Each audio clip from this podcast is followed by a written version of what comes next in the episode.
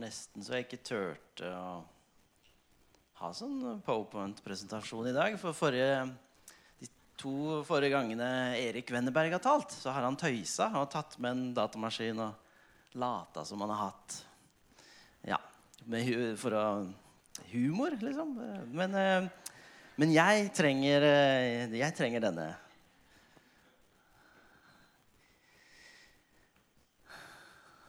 Jeg ber en bønn. Jesus, må du eh, komme med din Hellige Ånd her og skape liv ut av dine ord eh, i Bibelen. I Jesu navn. Amen. Vi har eh, lest eh, første Peters brev eh, nå i noen uker. Og nå er vi kommet til første Peters brev fem. Og 'Kast all bekymring på Jesus' er en tittel på talen. Vi skal lese bibelteksten i 1. Peters brev 5, 1-11. Ja, litt eh,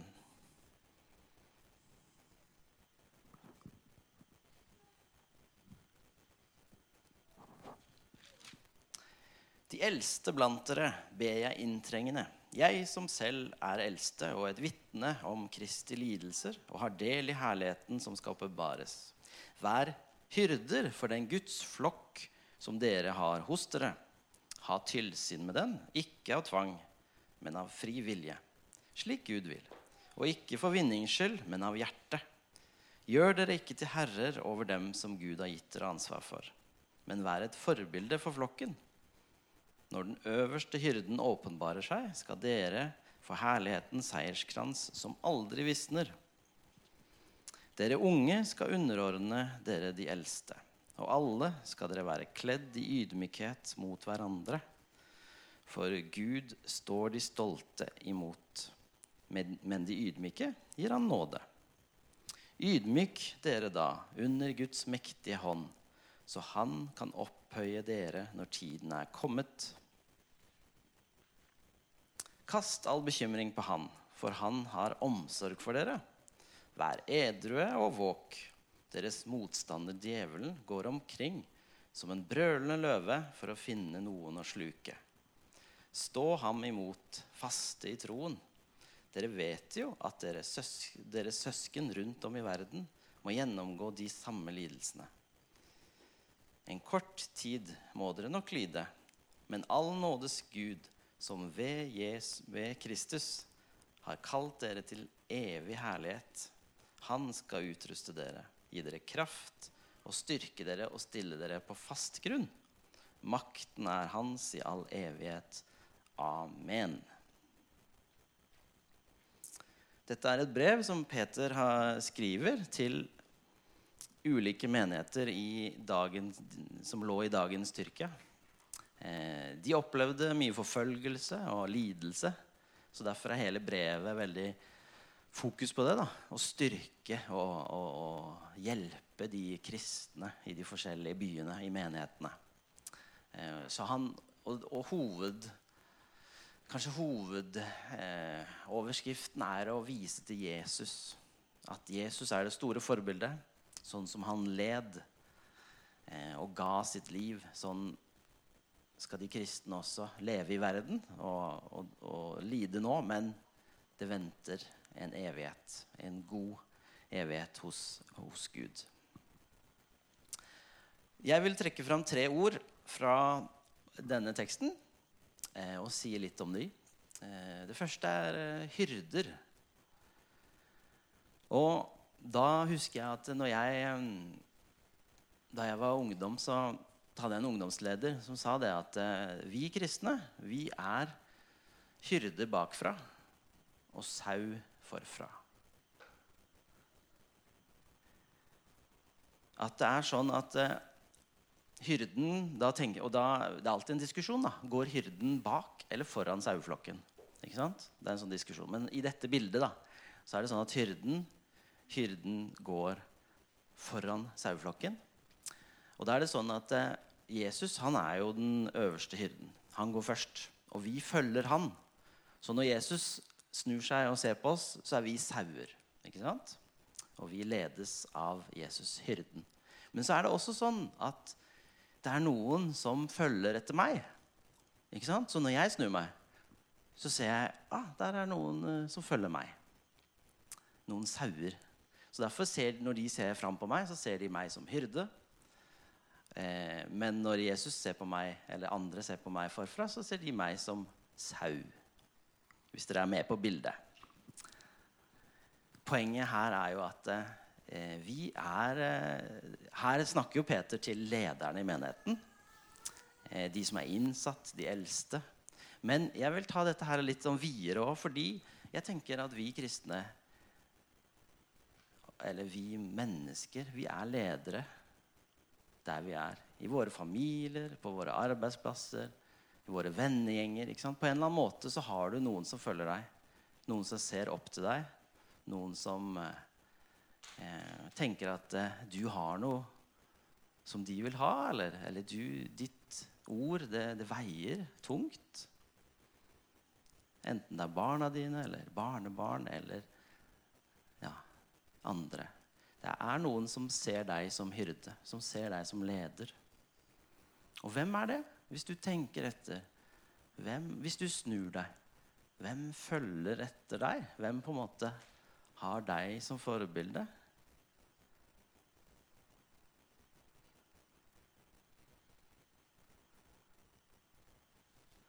Og hvem følger du? Hvem er det du ser opp til? Hvem er det som du ledes av? Ja, Jesus selvfølgelig, hvis du er kristen og tror på han. Men det er også noen mennesker som du ser opp til. Kanskje det er en podkast du hører på, en person der. Eller kanskje det er en venn eller venninne. Eller kanskje en prest, en pastor. ikke sant? Det er noen du følger, og du, det er noen som følger deg. Og da får vi en opp, eh, oppfordring her. At vi skal være et forbilde. Og I går så, så jeg på Kompani Lauritzen sammen med noen av barna mine. Eh, og der var Det sånn, eh, det er jo et sånn TV-program på TV2, og dere kjenner kanskje til det. Men, men, det er noen kjendiser som er med og skal eh, finne en bedre versjon av seg selv. eller et eller annet sånt, Men de skal lære militære ting. på en måte. Og da har de det er veldig sånn rangorden i militæret. Der er det veldig tydelig hvem de følger, og hvem er sau, og hvem er hyrde. Eh, og da var det sånn at eh, i den gruppa av kjendiser så er det én som blir trukket ut til å være leder for gruppa ca. hver uke. Jeg husker ikke om det er eh, Fenrik eller hva de kaller det. Men den personen han skulle nå gjøre sånn inspeksjon, sånn som de lederne hadde gjort før. Så han gjorde denne inspeksjonen. Eh, og, og, og, var liksom Ja. Eh, var, han, han eh, etterlignet de andre som han hadde sett gjøre en sånn inspeksjon, og var veldig streng med alle de kjendisene. ikke sant? Sine medspillere. Eh, og etterpå så fikk de en kommentar. Så, så, var han Nå har jeg glemt helt hva han Er det han derre sersjanten? Nei. Fenriken? Ja, Fenriken er han, han, der, han som er så tydelig med alle beskjedene og sånn. Er det ikke det? Og så eh, var sersjanten det var han Didrik Solli Tangen. da. Det var han som skulle prøve seg. Og Etterpå så hadde Didrik Soli Tangen og han Fenrik en liten sånn passiar på, eh, liksom på tomannshånd, hvor sersjanten måtte eh, Kanskje du bør prøve å si noe positivt da? Positivt. Løfte de litt opp. Ikke bare være sånn tydelige tilbakemeldinger. Eh, ikke sant?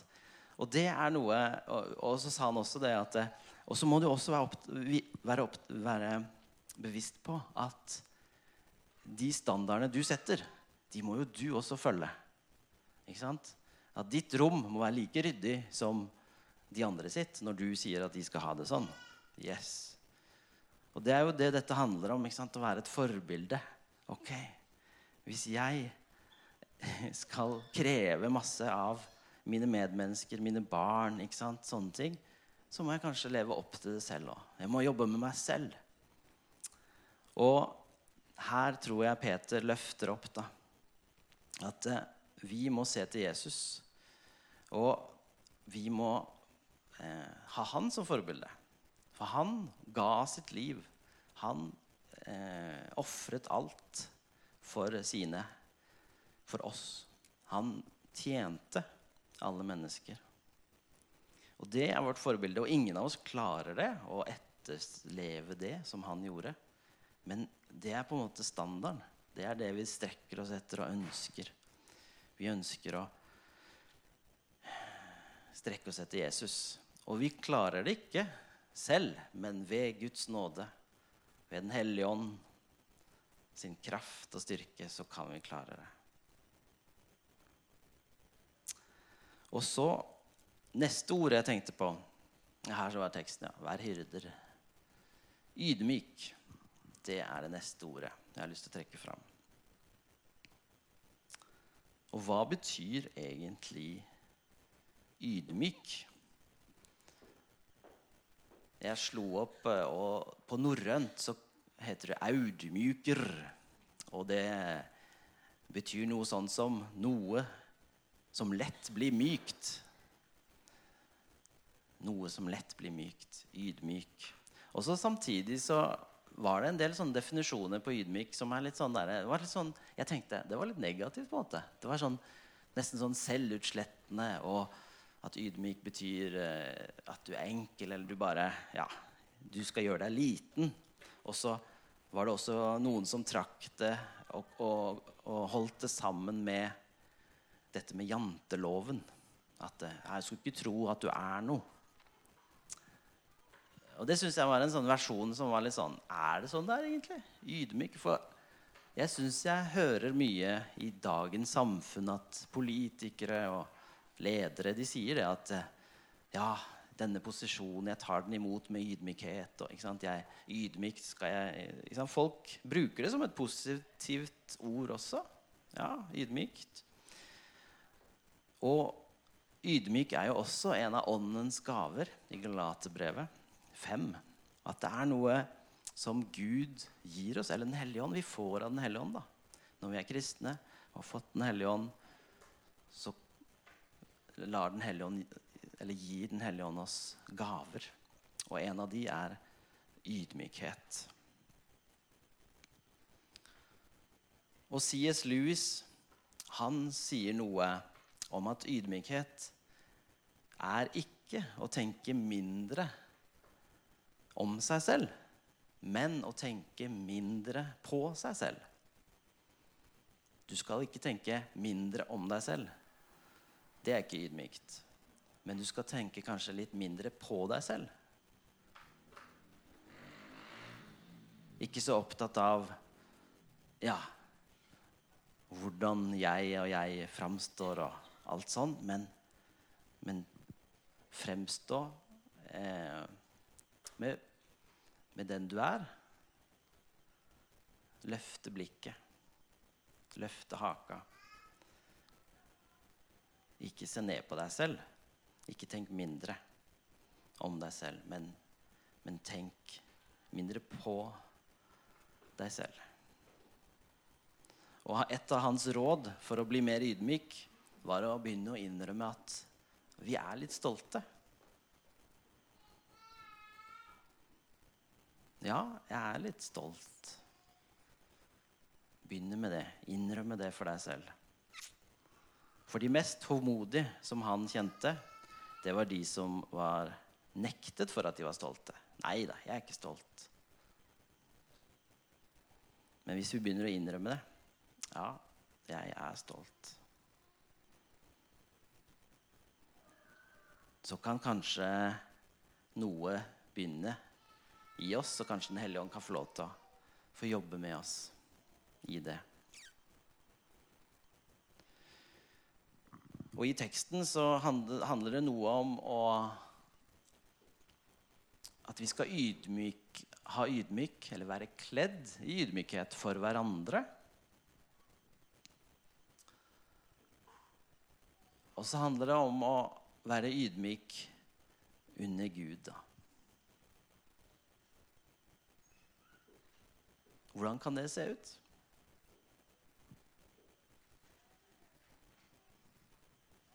Jeg vet ikke helt, jeg. Men kanskje du har noen tanker der? Det tredje ordet er bekymring, som er på en måte dagens hovedtema.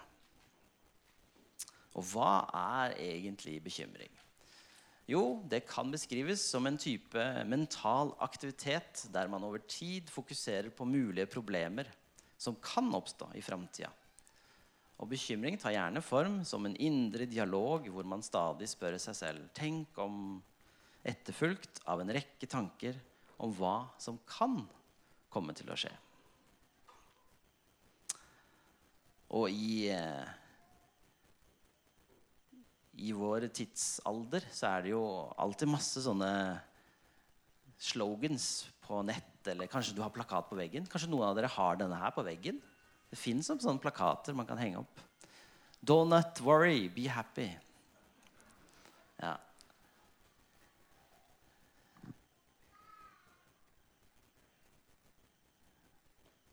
Men hva sier Bibelen om bekymring? Jo, som vi har lest, så er jo denne her hovedverset da, fra teksten i dag at vi kan, vi kan kaste alle våre bekymringer på Han, på Gud, på Jesus, for han har omsorg for oss.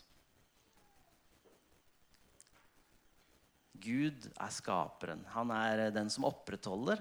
Det er han som er grunnen til at vi sitter her i dag, og vi tror at han er allmektig og har alt i sin hånd. Og treenigheten har vi fått del i når vi sier ja til Jesus. Og tenk det at treenigheten, at Gud har omsorg for meg. Lille meg som lever her på et lite, lite fnugg av noen år i dette store tidsløpet. Jeg er én av mange milliarder, og så bryr Gud seg om meg. Han har omsorg for meg og deg. Omsorg for oss alle. Og så i Matteus 6 Eh, det er Jesus sin bergpreken. Eh, og Der snakker han om bekymring. Derfor sier jeg dere, vær ikke bekymret for livet, hva dere skal spise eller drikke, heller ikke for kroppen, hva dere skal kle dere med. Er ikke livet mer enn maten og kroppen mer enn klærne? Og så Mot slutten av dette, denne her eh, delen av talen så sier han søk først Guds rike og hans rettferdighet, så skal dere få alt det andre i tillegg. Så gjør dere ingen bekymring for morgendagen. Morgendagen skal bekymre seg for seg selv. Hver dag har nok med sin egen plage.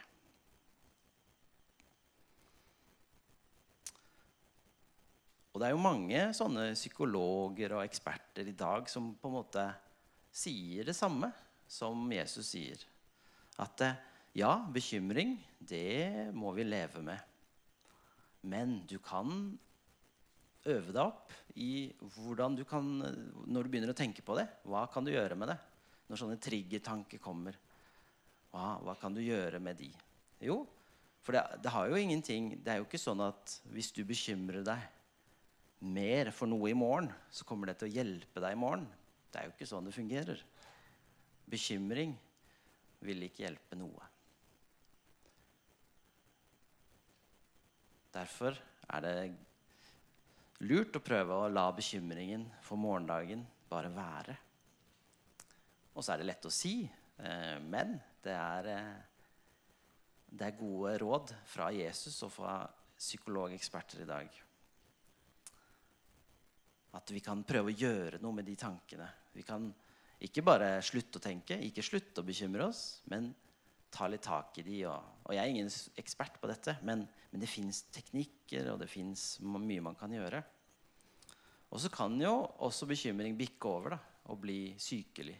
Og da trenger man i hvert fall hjelp til å sortere og til å finne strategier for hvordan man kan leve med de tankene. Videre i Salmenes bok så står det, Salme 55.: Kast din byrde på Herren, han vil sørge for dere.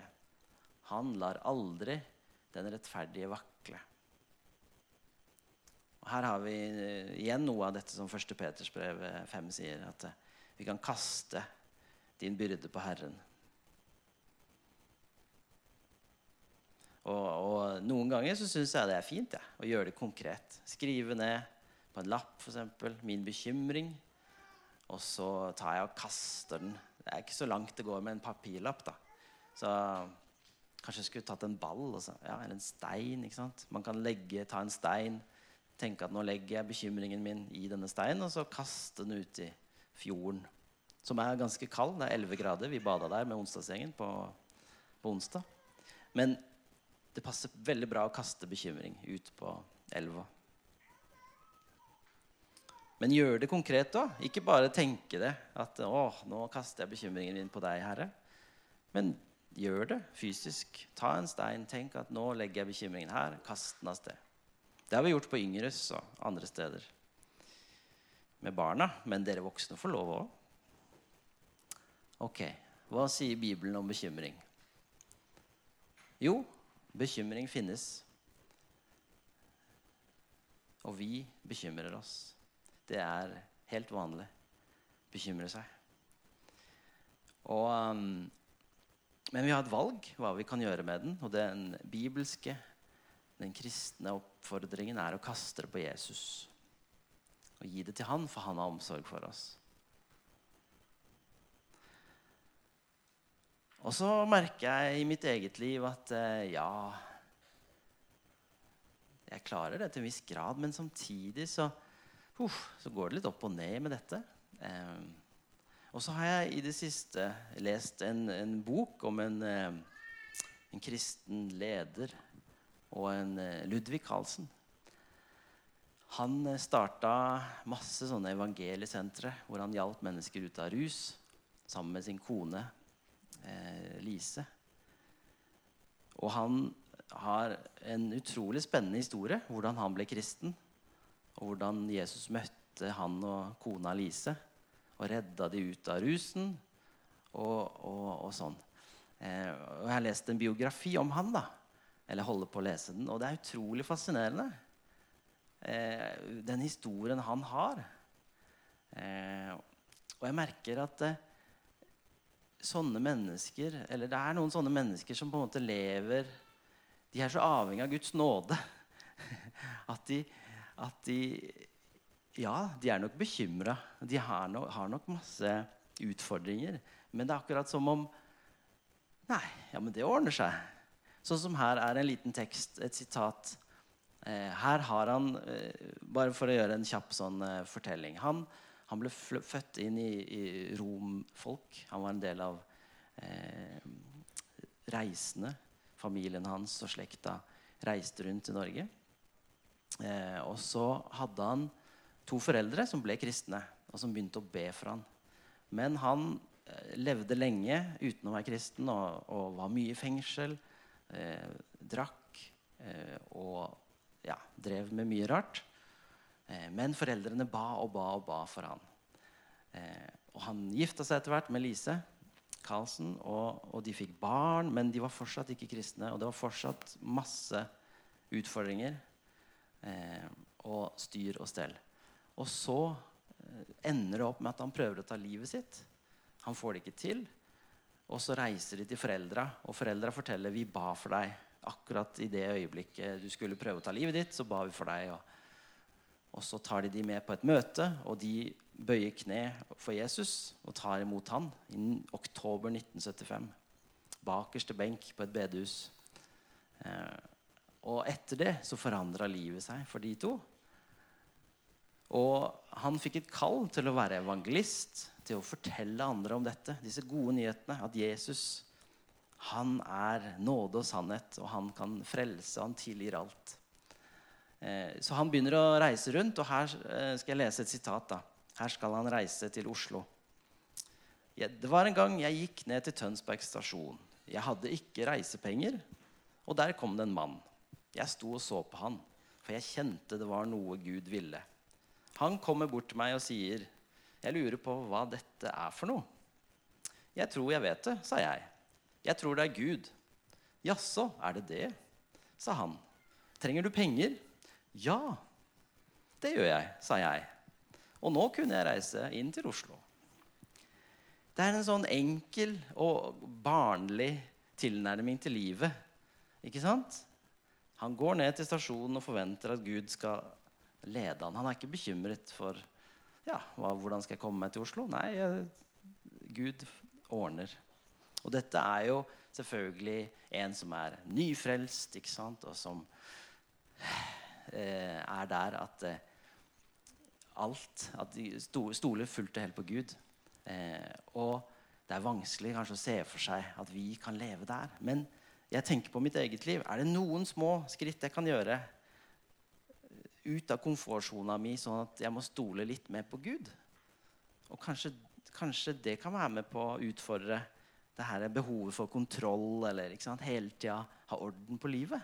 Kanskje kan jeg tørre ta noen små steg i tro, og så stole på at Gud er med i det. For jeg har opplevd at når jeg liksom gjør det, så blir jeg mer avhengig av Gud.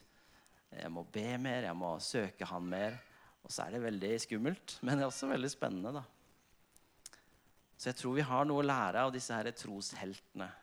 Ja da, alt er ikke på stell med disse. Eh, Ludvig Carlsen han hadde sikkert mye utfordringer, og alt sånt, men, men, han har mange spennende ting. Og han hadde en sånn der tilnærming til, til, Gud og til det åndelige som, som, er veldig sånn inspirerende.